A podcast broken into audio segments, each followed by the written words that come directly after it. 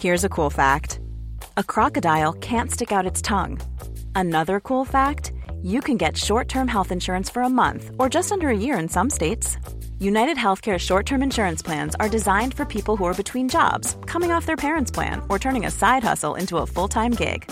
Underwritten by Golden Rule Insurance Company, they offer flexible, budget friendly coverage with access to a nationwide network of doctors and hospitals. Get more cool facts about United Healthcare short term plans at uh1.com. I Trondheim fortsetter opprullingen av en sak Adresseavisen startet, som rammer de mest sentrale personene i Arbeiderpartiet som styrer byen. Jeg opplever at han sveik både meg og partiet på et tidspunkt. I og med at han gikk bak ryggen på både meg og andre. Man har brukt langt mer spalteplass på å eh, mistenkeliggjøre meg enn man har brukt på å skrive om folk som faktisk har gjort noe gærent. Og da tok Trond og bare seg, flytta den under ræva. da skulle han overhodet ikke ha noe bilde av seg sjøl. Han satte seg på avisa. han kan det her bedre enn oss, for å si det sånn. Ottevik, byens ordfører også de neste fire årene.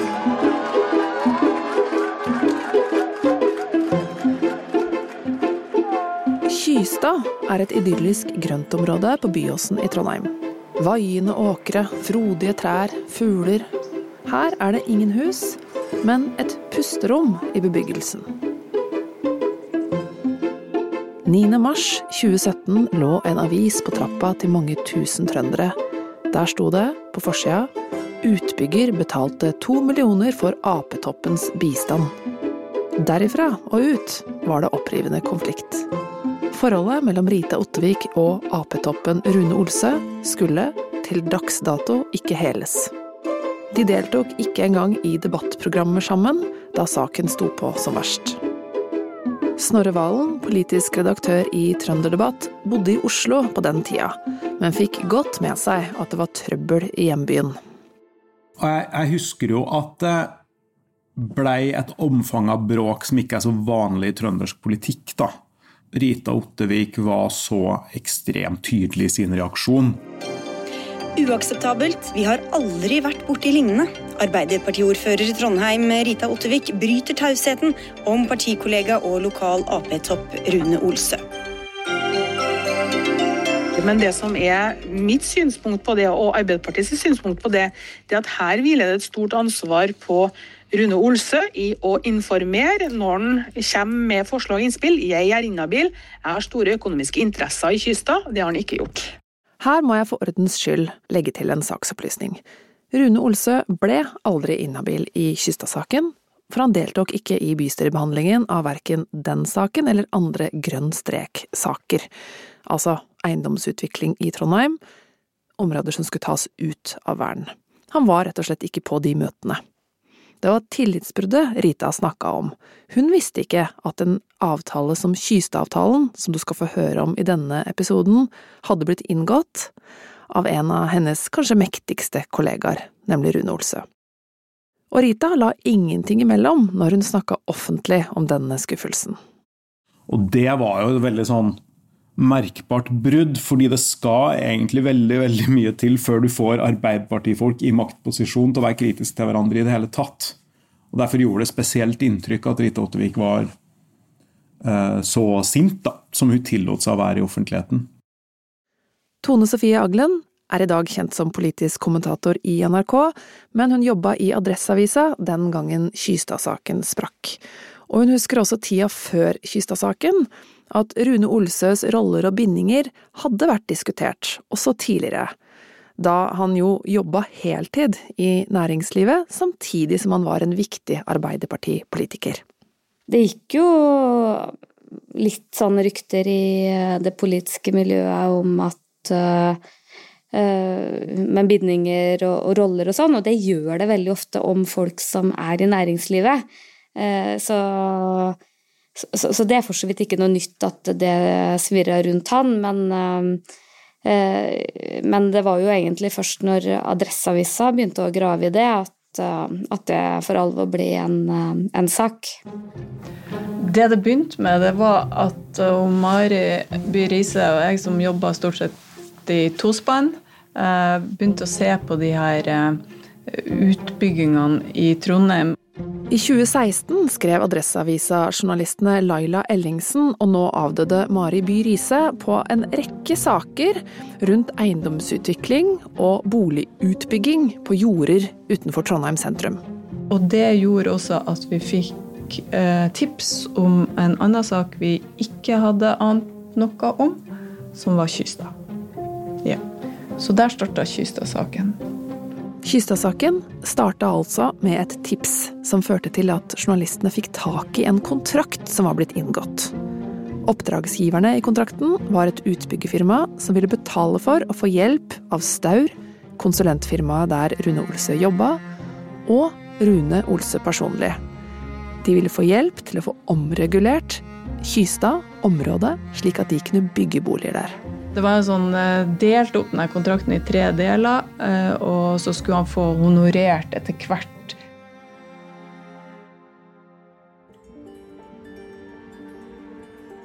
Når Kystad ble tatt ut av grønn strek, altså ut av vern, så skulle Rune Olse personlig få 400 000, sto det i kontrakten. Og videre, når området var ferdig omregulert til boligutbygging, da skulle utbyggerne betale seks millioner til Rune Olse og firmaet han jobba i, nemlig Staur. Mm -mm. Så det var det vi fant ut. Jeg husker ennå den snappen når vi kommer fra det møtet som ga oss den kontrakten. og hun Mari, vet du, hun lever ikke lenger, så det um, Den snappen hun tok bare når vi hadde vært og fått tak i de papirene, det er bare pur lykke, da, kan du si. Mm. Hvordan fikk dere den kontrakten? Uh, det er sånn som journalister ikke kan snakke om. Hva tenkte dere når dere så den? Eller hva sa dere til hverandre, du og Mari? Nei, det helt uvirkelig, for vi tror jo faen ikke det er mulig. Og, og så samtidig så er det bare sånn her um, um, Det er det største vi har uh, opplevd som journalister, begge to. Det blir ikke større enn det her, som Mari sa. Uh, det var helt sinnssykt. Adressa-journalist Stian Vallum var reportasjelederen til Mari og Laila under Kystad-saken. Han var altså den de ringte hjem til for å rapportere hvordan det gikk der ute i felten. Jeg husker ennå hvor jeg var. Da var jeg på flaskeinnsamling for korpset utafor et hus i nabolaget. Hver gang jeg går forbi det huset, det er på vei til bussen, så tenker jeg på telefonsamtalen jeg hadde med deg. For det var jeg tror ikke jeg skal gjengi det du sa, men du var ganske opprørt. Ja. Det framsto jo som betalt politisk påvirkning, sånn som det sto i den kontrakten. Ok, bare så vi alle henger med, for det her er litt komplisert. Hvorfor fikk journalistene hjerteklapp da de så kontrakten? Vel, Kontrakten var blitt inngått mellom en utbygger som ønska seg leiligheter på et verna grøntområde på Kystad, og en sentral, mektig politiker som skulle få 400 000 personlig og 6 millioner til firmaet om han klarte å få Kystad omregulert og tatt ut av vern. Både den store pengesummen og Rune Olsøs mektige rolle gjorde at kontrakten kunne se ut som betalt politisk påvirkning selv når du sitter med sånn det du tror er det største skupet du har gjort, så er du ikke sikker på hvordan omverdenen vil eh, oppfatte det her. Det er veldig veldig stor Hva skjer nå? Når du har publisert, hva skjer nå? Uh, så vi, da må du snakke om søvnløs og sånn. Uh, vi publiserte Kystad. Uh, hva var tittelen? Eh, Apetopp Fiks eh, Seks millioner for, for Apetoppens bistand, ja. hjelp, eller husker ikke helt. Ja, I hvert fall så, så var saken på forsida, og Og vi kommer på jobb, og det, det er jo bare taushet. Det er øredøvende taust. Og det er så jævlig, den der tausheten. Du bare Kan ikke noen mer Vær så snill å si noe! For altså, du ringer, og det er bare liksom sånn her Og folk skal liksom eh, Vi har jo sittet med det i måneder, ikke sant? Og så, og, så, og, så, og så skal jo folk fordøye det her, og så skal de bestemme seg for hva de skal si, og hva de ikke skal si, og alt det der, og legge en strategi sikkert, og alt. I hvert fall, det er stille. Og Al alvorstungt stille, da. Ja. For det var jo og så bare helt tilfeldig så ser vi at uh, Arbeiderpartitoppene er samla på Hell, på hotellet der. Um, de som står skal være der, det er Tore O. Sandvik, Jonas Gahr Støre, Tor, eh, Trond Giske. Trond Giske. Det, det, det var nå dem som skulle være der. Rita skulle ikke være der. Hun var jo den vi var mest opptatt av å få tak i. Hun skulle ikke være der, men når ikke hun svarer, hva faen skal du gjøre? Eh, Så vi bare, jeg bare stakk av gårde. og, så, og så svinger vi opp der foran Hell hotell, og så skal jo de der apetoppene som jeg regner med ikke kommer til å si noe, være der. Så det, jeg var egentlig ganske lite forhåpningsfull, egentlig. Det her var bare sånn pliktløp. Noe, vi måtte prøve. Vi måtte prøve å få noen til å si noe. Håpa at Jonas Gahr Støre hadde lest saken. Og så bare jeg sånn, jeg jeg ser en sånn skikkelse som beveger seg mot åpninga på Heller. Det er jo Rita! Og Berit var med og reporter. Spreng, Laila! Spreng!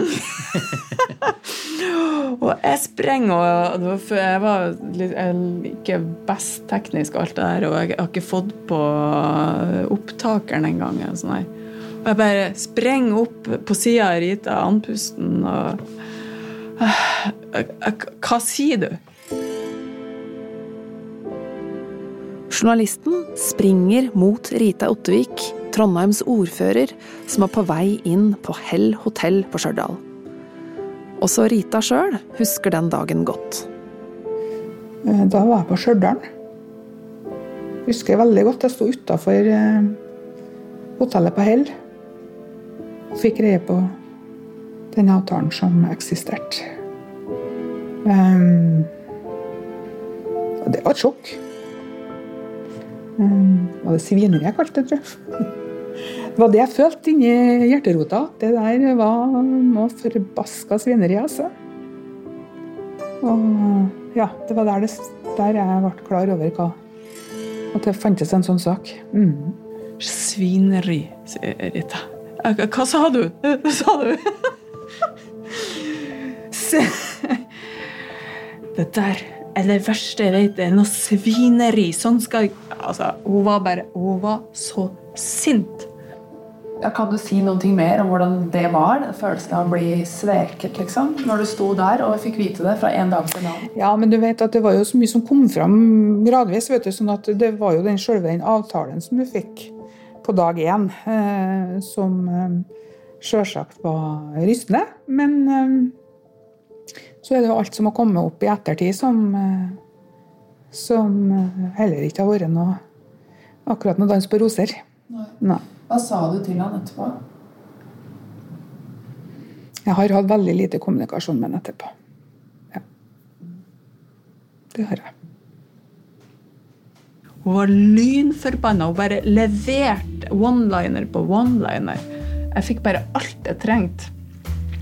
Og Berit bak Få på mik altså, Få på opptakeren! Få på opptakeren, Laila, liksom. Ja.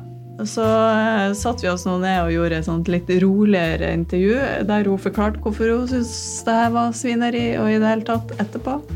Um, og jeg visste at jeg hadde hatt den oppfølgeren jeg trengte. Men nå var det noe sånn at Jonas var der, Trond var der, Tore O. Tore O var der i det hele tatt. Og de satt rundt et bord, og de skulle fortelle oss om Arbeiderpartiets politikk. Eh, Så vi la forsida på Adresseavisa vi la det på bordet. Der vi skulle sitte liksom og gjøre et intervju om det var sikkert noe, vet ikke, valgkamp, et eller annet. Eh, og, så, og så ville jo vi ha bilde hvor vi viste at Kystad-saken, ikke sant, og så. Og da tok Trond og bare Røsøy tok tak i avisa, flytta den under ræva. Da skulle han overhodet ikke ha noe bilde av seg sjøl. Han satte seg på avisa. Han satte seg på avisa.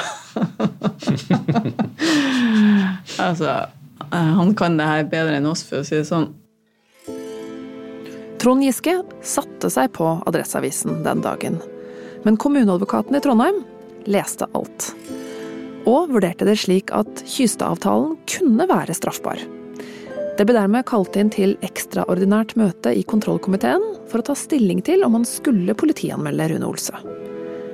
Lederen i den komiteen, Rolf Jarle Brøske fra partiet Høyre, sa at det som hadde kommet fram om Kystad-avtalen, skapte et inntrykk av at politiske vedtak i Trondheim var til salgs, og at det var alvorlig.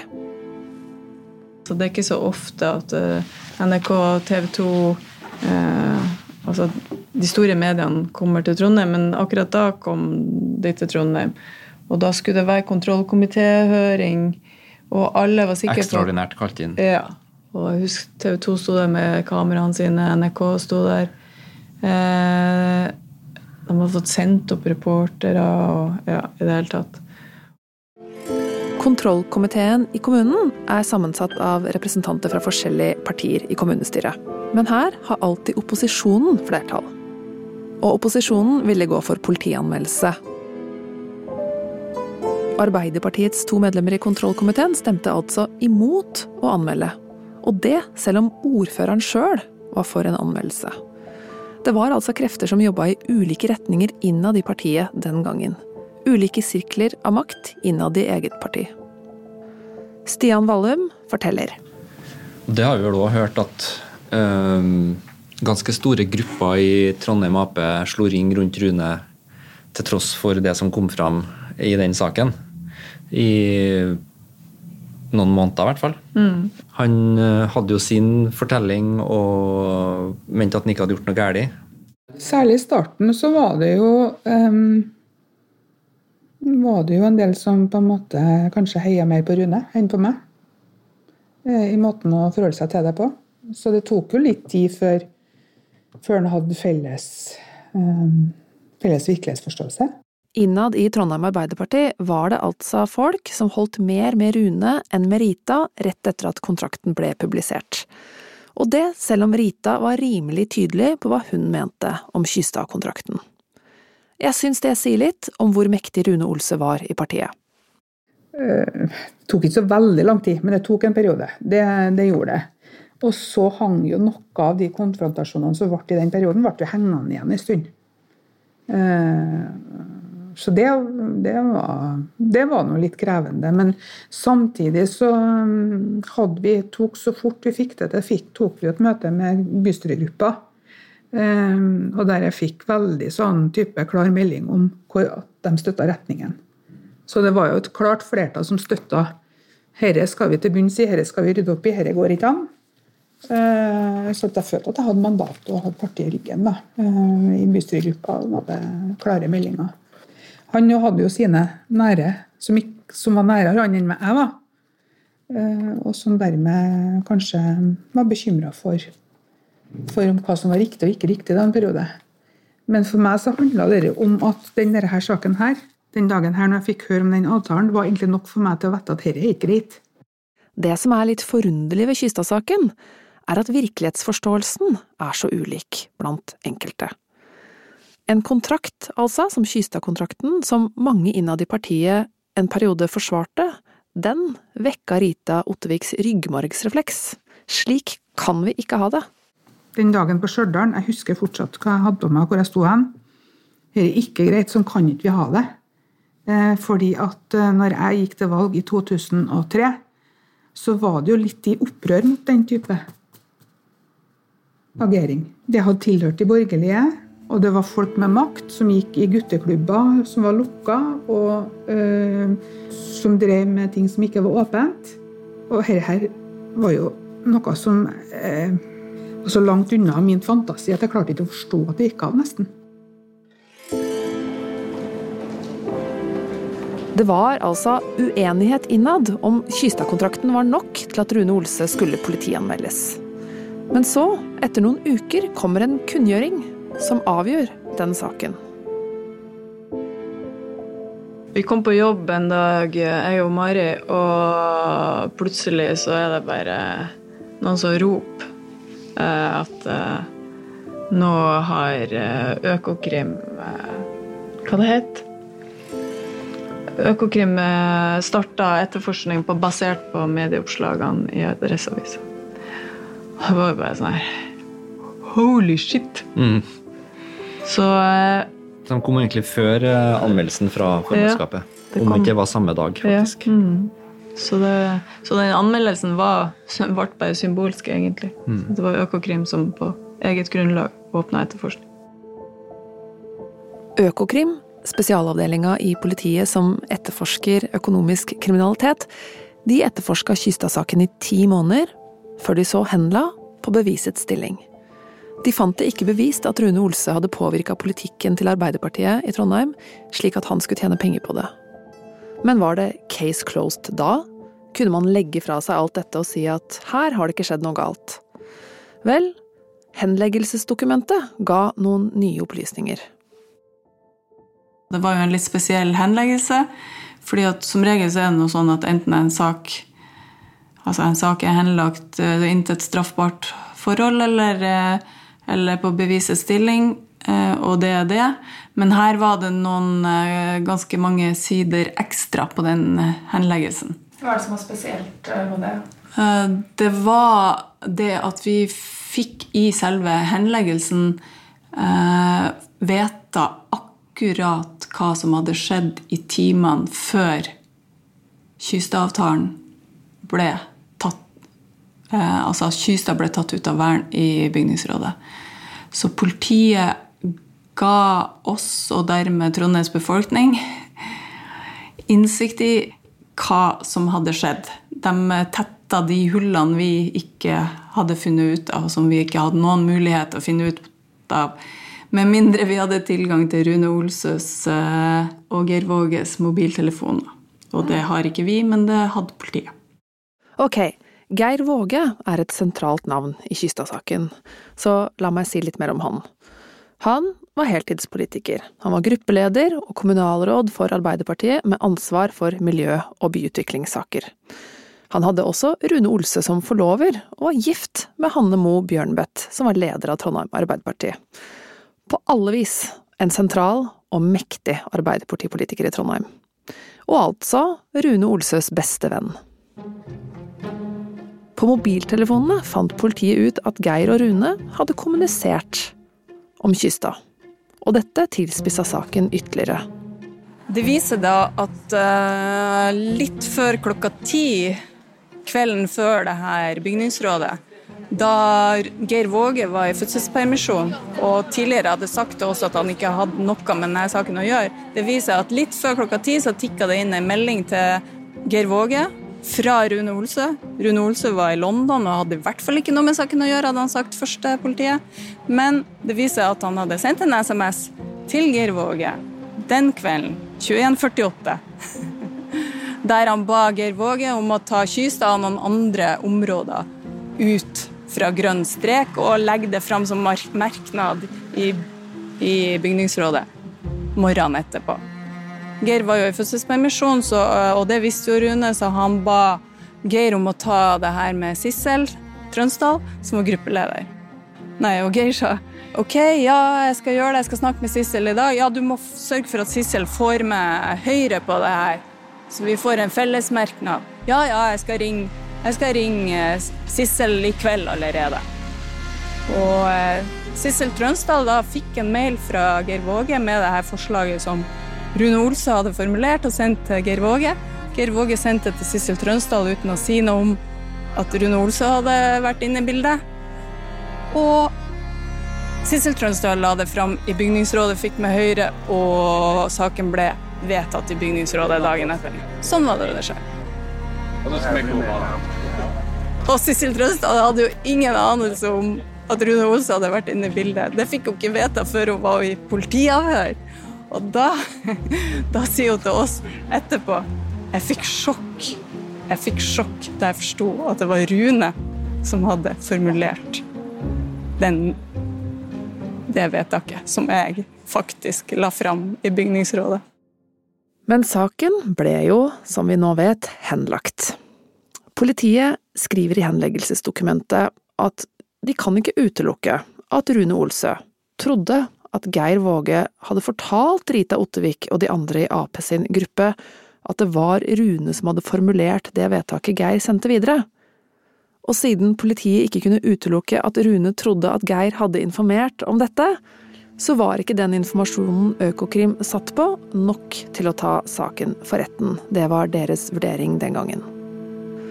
Men så, da? Var det case closed nå? Ingenting mer å snakke om? Vel, nei.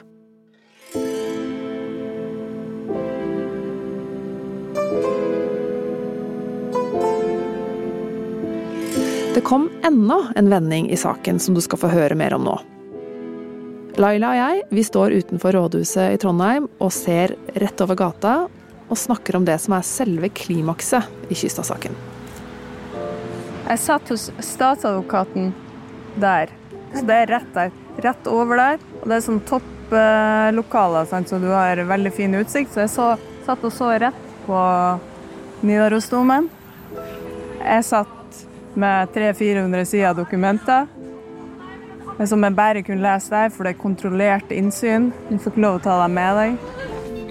Det Laila satt og leste, var avhørene som ble gjort av Rune Olse og Geir Våge. Politiavhør Økokrim gjør, er vanligvis ikke tilgjengelig for pressen. Det kan virke mot sin hensikt å gi pressen innsikt i dette. Journalister kan likevel søke om innsyn i spesielle saker der det er snakk om opplysninger som befolkninga, altså oss skattebetalerne, eller velgerne da, i et demokrati, har nytte av å vite om. Hiring for your small business? If you're not looking for professionals on LinkedIn, you're looking in the wrong place. That's like looking for your car keys in a fish tank. LinkedIn helps you hire professionals you can't find anywhere else, even those who aren't actively searching for a new job but might be open to the perfect role. In a given month, over 70% of LinkedIn users don't even visit other leading job sites. So start looking in the right place. With LinkedIn, you can hire professionals like a professional. Post your free job on linkedin.com slash people today. Laila søkte om innsyn i avhørene av Rune og Geir, men fikk blankt avslag. Av den vanlige grunnen dette er ikke offentlig. Laila klagde avslaget inn til riksadvokaten Tor Aksel Busch, og riksadvokaten skrev tilbake at jo, dette burde journalistene få innsyn i. Med andre ord, Riksadvokaten ville at byens befolkning skulle vite hva som hadde skjedd på bakrommet i Arbeiderpartiet. Laila var i en litt spesiell situasjon når hun leste politiavhørene. Mari By Riise, hennes faste journalistmakker, var blitt alvorlig syk og lå på operasjonsbordet akkurat på samme tid. Derfor tok det litt tid før Laila skjønte hva hun satt og leste. Nemlig at Kystad-saken ikke var Kystad-saken, men en del av et større bilde. Det bildet som tegna seg da, eh, det hadde jeg faktisk ikke drømt om. Det viser at Kystad-saken ikke var Kystad-saken. Det var en sak om hele byen. Det var om byutviklinga, det var om utbygging, hva som skulle bygges ut, og hva som skulle vernes i hele byen. Det var vedtatt en plan for det. Det viser seg at den planen har Rune Olsø bidratt veldig sterkt til å skrive. Det er han som har formulert store deler av den planen.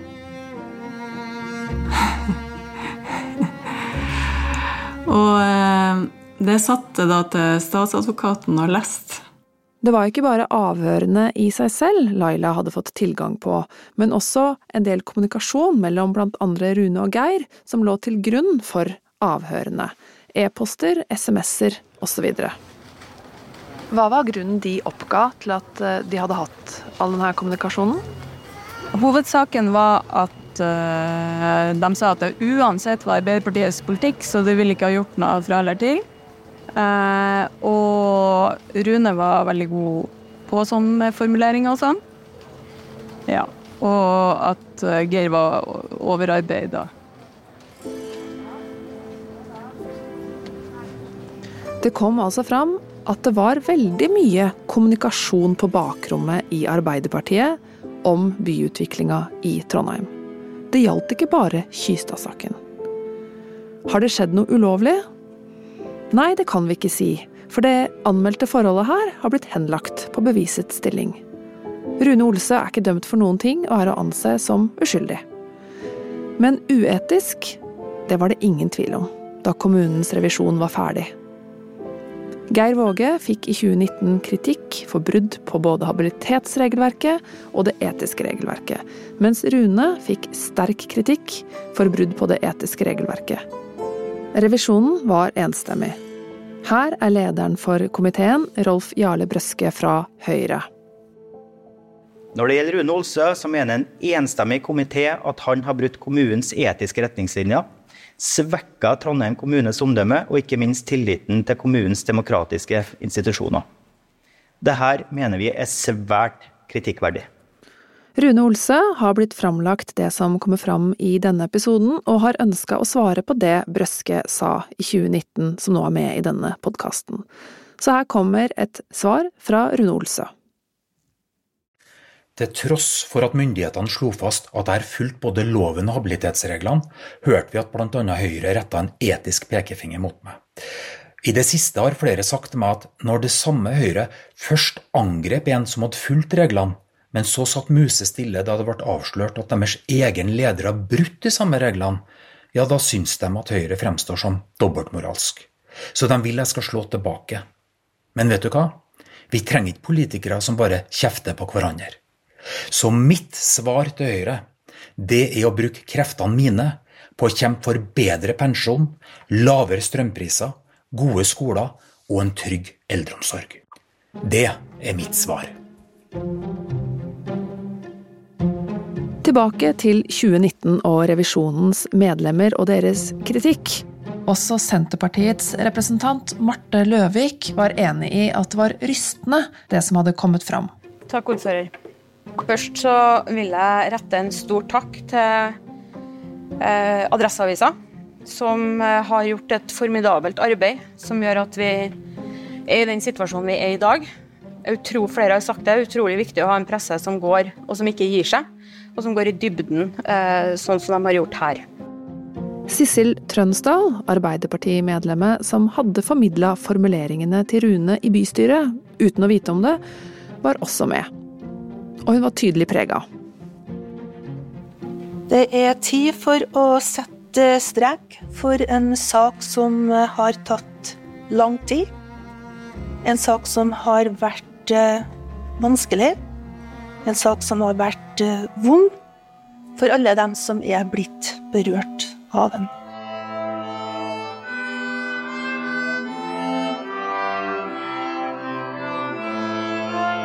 Sissel Trønsdal avslutta med å si det jeg egentlig starta hele denne episoden med å si. Nemlig at Kystad-saken ikke kan nevnes i den byen her uten at ordet vondt blir brukt i samme setning. Bystyret fikk denne dagen et underholdningsbidrag fra kulturskolen, slik de pleide å ha. Et korpsinnslag, Flåklypa-tema, en liten sørgesang, kan man kanskje si, alt tatt i betraktning.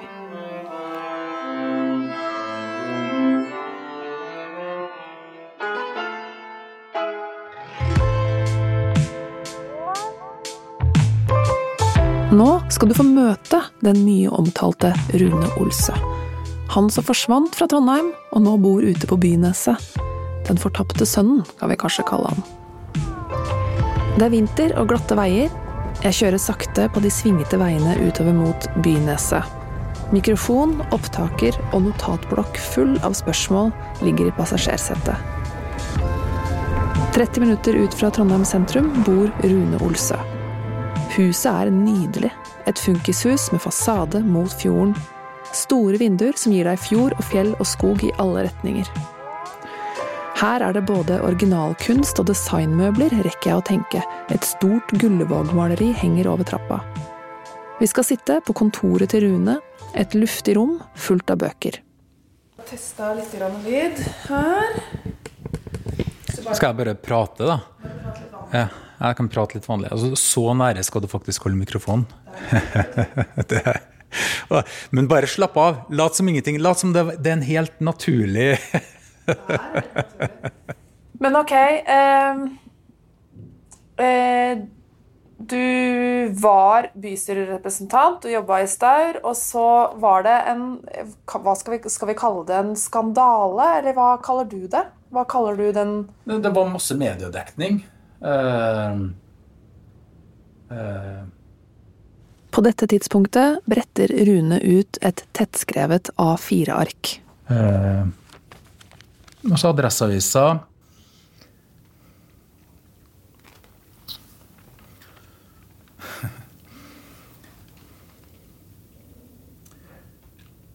Adresseavisa fikk det for seg at jeg hadde sannsynligvis brutt loven i en sak. Eh, og Du kan jo tenke deg følgende. Tenk deg at lokalavisa di trykker beskyldninger om at du kanskje har brutt loven. Alle du kjenner, leste. Vennene dine leste. Familien din leste. De trykker det dag etter dag. Alt rundt deg ramler sammen, og du føler deg nesten helt alene. Og midt oppi det så vet du jo sjøl, for det visste jeg jo, at jeg hadde fulgt loven at jeg fulgte reglene. Men det slipper ikke gjennom. Og den håpløsheten du føler da, altså den maktesløsheten du er jakta på, du trengte opp et hjørne, familien din rammes, ungene dine sliter. Og så kommer altså til slutt konklusjonen på undersøkelsene som myndighetene setter i gang. Der myndighetene slår fast at nei, Rune Olse har fulgt loven. At han hadde fulgt reglene. Her må jeg igjen skyte inn en saksopplysning. Myndighetene i denne saken er flerhoda. Kommunen er jo en myndighet her, og de har slått fast at Rune Olse opptrådde kritikkverdig, og at handlingene hans svekka trua på lokaldemokratiet. Så har vi en annen myndighet, nemlig Riksadvokaten, som slo fast at det var viktig å få vist fram hva som hadde skjedd på bakrommet i Arbeiderpartiet, i samtalene mellom interessenten Rune Olse og hans gode venn Geir Våge. Og så har vi jo da den siste myndigheten, som er eh, politiet, Økokrim, som henla straffesaken på bevisets stilling. Eh, og jeg er veldig glad for at den konklusjonen kom, for det var en tøff runde. Eh, men prisen for at saken var dårlig håndtert, den ble jo betalt likeså. Gjennom et enormt mediekjør og gjennom en tung runde med undersøkelser. Og den prisen ble ikke betalt bare av meg, den ble betalt selvsagt av familien min eh, også. Eh, og den prosessen som vi ble utsatt for da, den må jeg si, den unner jeg ikke min verste fiende. Eh, så i dag er jeg jo først og fremst glad, selvsagt, for at myndighetene slo fast at jeg hadde fulgt loven, og at jeg hadde fulgt habilitetsreglene. Eh, og jeg har lært mye av den gamle saken den gangen. Men den mistenkeliggjøringa som jeg ble utsatt for, den etterlot jo selvsagt sår og arr. Og så er det her heldigvis veldig lenge siden, da. Det må jeg si. Det, nå er det jo Her var jo 2015. 2016. Eh, og de siste tre årene så har jeg fått ny tillit. Ny tillit i lokallaget i Trondheim. Jeg er blitt valgt inn i kommunepartistyret mitt. Jeg har vært ansatt i Arbeiderpartiet. Eh, og erfaringa mi er, nå er at de aller, aller fleste eh, av vanlige folk. De er lei at den offentlige debatten i media handler om gamle saker av personfeider. Politikken skal og må handle om ikke politikerne, men vanlige folk. Om hvordan vi har det når vi får skyhøyere strømregninger, når renta på huslånet skyter været, når ungene sliter på skolen, når vi har et eldre familiemedlem som ikke får den hjelpa da, som hun eller han trenger på slutten av livet. Og det er egentlig alt jeg kommer til å si om den saken. Uh, det var vanskelig, men den er over, og jeg er veldig glad og takknemlig for at jeg har fått tillit igjen. Eh, så jeg er ferdig med det. Eh, og ingen kommer til å klare å presse meg til å holde kjeft. Ingen med makt, med penger, ingen av dem som sitter og har nok innflytelse, kommer til å klare å presse meg til å ikke fortsette kampen for at vi må bruke kreftene på å løse vanlige folks problemer. Husker du når du begynte? Så det er jo Men jeg, jeg, har, jeg, kommer ikke til å si noe mer om den saken. Du sier ikke noe mer? Nei. Jeg kan ikke stille noen spørsmål heller. Nei, jeg kommer ikke til å si noe mer om den saken. Hmm. Det var jeg ikke helt forberedt på. Jeg trodde vi skulle snakke om det. Men er du, kan jeg stille er du redd for at jeg skal øh, vri og vende på det, på en måte? Eller er det mer det at du ikke vil gi det oppmerksomhet? Altså, Adresseavisa har gitt en sak der jeg da har eh, Der myndighetene har undersøkt og slått fast at jeg har fulgt loven, og jeg fulgte habilitetsreglene, og jeg skulle ha håndtert saken smartere og klokere, men det har jeg altså betalt en høy pris for at jeg ikke gjorde. Men utover det så er det også sånn at man har brukt langt mer spalteplass på å eh, mistenkeliggjøre meg enn man har brukt på å skrive om folk som faktisk har gjort noe gærent. Både politikere som har gjort noe gærent, eh, og andre samfunnstopper som faktisk har gjort noe gærent. Så jeg har ikke tenkt å snakke mer om den saken. Jeg blir jo skuffa. På vegne av oss alle, egentlig. For det hadde vært fint å få gå inn i alt dette her og forstå litt mer. Forstå hvordan det kunne skje, og kanskje få noen innrømmelser også, som ikke har kommet før. Vel, Rune vil ikke snakke noe mer om det. Tror du at de som jobba med denne saken, som var jo ganske mange da, vil jeg tro, jeg var jo ikke der da, at de faktisk mente at det var viktig? Jeg, jeg, men jeg kommer ikke til å si noe mer om den saken. Ok. Åh, det var litt skuffende for meg. Jeg hadde lyst til å snakke om det. Det skjønner jeg. Ja. Hvor ofte tenker du på den saken nå, da? Eh, veldig, veldig sjelden.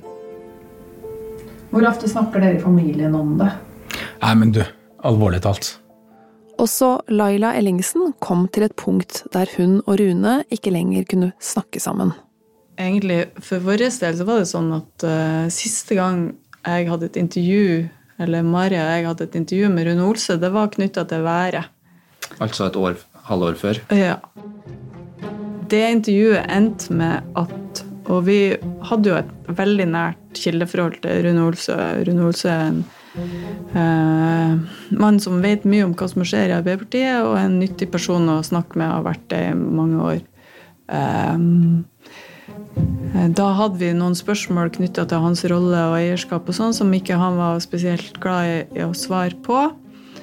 Og jeg husker at vi hadde et spørsmål til slutt som han reagerte eh, veldig, veldig veldig sterkt på. Han reagerte faktisk så sterkt at han røste seg og gikk i sinne fra det intervjuet.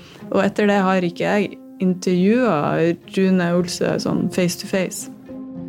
Ok, la oss gjøre opp status lite grann.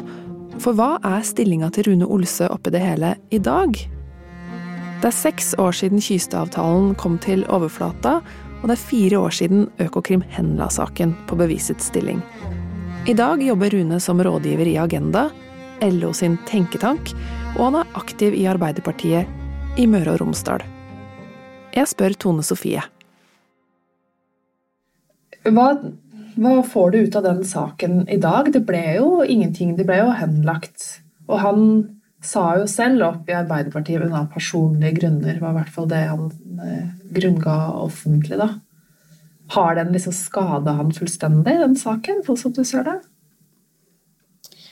Ja, det opplever jeg at, uh, at for han så, så, var det et, uh, et stort fall. Og, og, det så man jo veldig lenge, at mange partier holdt jo og slo ring rundt han veldig lenge. Og inntil de ikke gjorde det lenger. Da var det jo en periode han forsvant ut av posisjoner og opplever ikke at han har uh, kommet tilbake. Men han, jo, han, er jo litt rehabilitert i partiet, både med den jobben han har og, og verv. Men det har vært andre steder enn i Trondheim. Andre steder enn i Trondheim, sier Tone Sofie. Og da sikter hun til at Rune, litt overraskende, har blitt valgt inn som styremedlem i Aure Arbeiderparti på Nordmøre. Ei bygd på 3500 innbyggere, der Arbeiderpartiet har en veldig populær ordfører, nemlig Hanne Berit Brekken.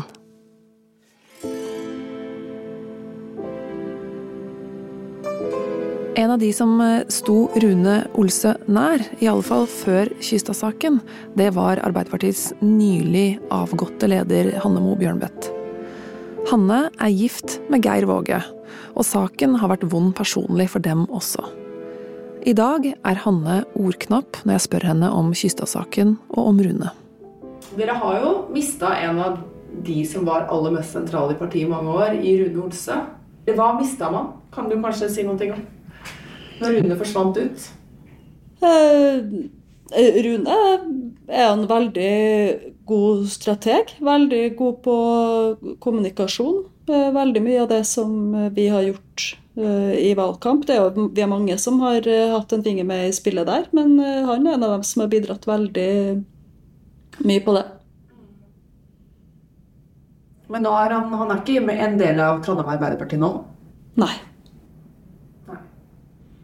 Mm. Han var jo veldig sterk premissleverandør. Det, det må jo være rart fra liksom en dag til en annen? Tror jeg har sagt nok om det.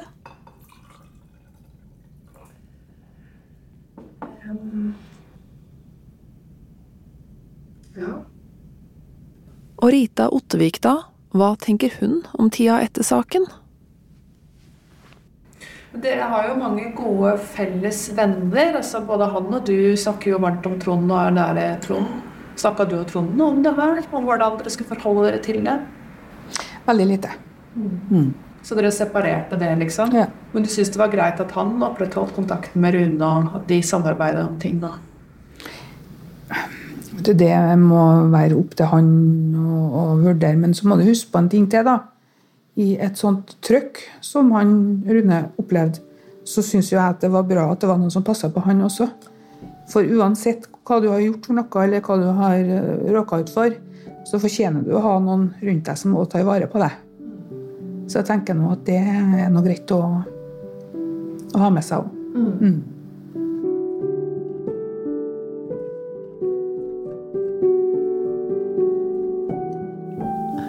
At jeg er så himla glad for at vi faktisk klarte å avdekke det vi avdekka. Fordi at tenk nå, da. Hvis det bare aldri hadde blitt kjent, så kunne liksom byutviklinga og utbyggingene i, i Trondheim fortsatt å bli influert av denne type interesser i Arbeiderpartiet. Tilbake på Byneset hos Rune Olsø så får vi i media, og Adresseavisen spesielt, vårt pass påskrevet. Vi trenger aviser, vi trenger eh, gravende, undersøkende journalistikk. Det er avgjørende for demokratiet at vi har det. Eh, journalister skal stille tøffe spørsmål til politikerne. Det er jobben å gjøre det. Kjempeviktig. Men det er også sånn at du må ha journalister som passer på andre journalister. Altså, må, altså noen må jo passe på journalistene òg. Eh, så når du har et sånt mediemonopol som i Trondheim, der man liksom kan sitte inni ei boble og bestemme seg for hvordan verden ser ut, og så på en måte gå ut og rapportere det, uh, uten å være åpen for å ta imot uh, fakta eller reelle innspill. Kanskje gjøre overtramp, kanskje til og med bli, bli felt av i PFU både én gang og to ganger og tre ganger. For å ta det PFU-greiene først, da. Så um, i saken din så ble jo adressa dømt på to punkter jeg kan ikke la det stå umotsagt. Det var jo også en del ting de ikke ble felt på. bare så det sånn, På dekningen, som var da Som de fikk faktisk da eh, honnør for at de hadde gjort. Ja, altså, jeg har jo fått honnør for veldig mye jeg har gjort. Ja, men i den saken? Ja, men jeg har jo også håndtert veldig mye i den saken riktig og bra. Eh, jeg har jo fulgt reglene. Har jo fulgt habilitetsreglene. Har, har jo fulgt loven. Alt var jo ryddig og riktig gjort. Sånn sett. Men det var feil måte å kommunisere på. Og Det eh, måtte jeg ta inn over meg og betale en pris for. Og det må, samme med Adresseavisa når de har gjort tilsvarende feil. Så det var på tilsvarende nivå vi gjorde feil. Det var på etisk eh, grunnlag. Eh, etisk syn, altså, eh, vi fikk kritikk, og da, da, må vi jo ta det på alvor. Eh, men jeg er veldig glad for at, eh, for at Adressex ikke har gjort noe ulovlig. Akkurat som jeg er veldig glad for at det er slått fast en gang for alle at jeg heller ikke har gjort noe ulovlig, og at jeg har fulgt lover og regler. Det syns jeg er fint å ha med seg. Men nå er det som sagt en sak som er veldig, veldig gammel. Eh, mange, mange år gammel, og som i hvert fall jeg er ferdig med for lenge siden. I 2017 klagde Rune Olsø Adresseavisa inn til PFU for brudd på god presseskikk. På sju punkter. PFU bestemte seg for å felle Adresseavisa for brudd på god presseskikk på Vær varsom-plakatens 417 om leserkommentarer, da et kommentarfelt på Facebook ble liggende uredigert, der publikum uttrykte sterk misnøye og til dels trusler mot Rune. Dette kommentarfeltet skulle Adresseavisa tatt vekk. I tillegg fikk Adresseavisa kritikk for en tittel det ikke var dekning for. Altså punkt 414 om at titler skal være dekkende for innholdet i saken. PFU skrev også i redegjørelsen sin at Adresseavisas granskning av de økonomiske og politiske interessene i Trondheims boligutvikling befinner seg i kjernen av pressens samfunnsoppdrag. Avisen var i sin fulle rett til å omtale Rune Olsøs roller og interesser.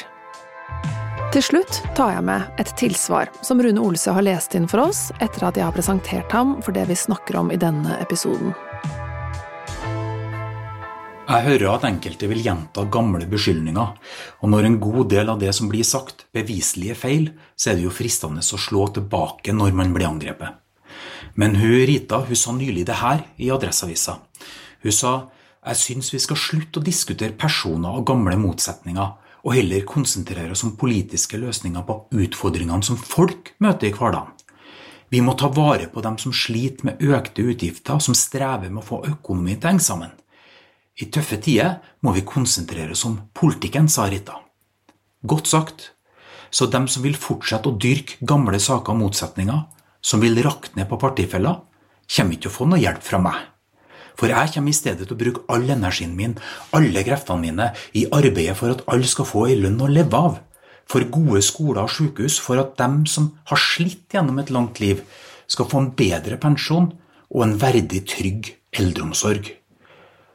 Politikken skal ikke handle om intern kiving. Den skal handle om hverdagen til folk flest. Hvordan vi kan gjøre livene til folk bedre. Da vil det igjen bli lys i det gamle rød-grønne fyrtårnet. Du vet at i en gammel arbeidersang så sammenlignes vi med trær i en skog, og de synger Hvis du tror du vil stå om de andre blir felt, bør du frykte for stormer hver høst. Men står vi sammen og vokser, vil stormene kun gi kronene sterkere røst. Det var en grunn til at Arbeiderpartiet da hadde 40% oppslutning. Rått parti er en podkast laget av Adresseavisen etter en idé av Laila Ellingsen. Denne episoden er laget av meg, Anne Dorte Lunås, og lyddesigner Audun Kvitland Røstad i Ambolt Audio. Stian Vallum har sittet i redaksjonen og har bidratt med et tonn av research og masse kunnskap. Musikken er laga av Marius Ergo i Øyedrops. Ansvarlig redaktør i Adresseavisen er Kirsti Huseby. Jeg vil også gjerne legge til at Geir Våge, som blir omtalt i denne episoden, og som er tidligere kommunalråd for Arbeiderpartiet i Trondheim, ikke har ønsket å delta i denne podkasten. Neste episode i Rått parti heter Da metoo kom til Trøndelag. Kjære årsmøte. I dag står vi i et veiskille. Vi står mellom fortida og fremtida. Den siste uka har mange sett ting i et nytt lys og forandra er måten de ser partiet vårt på for alltid.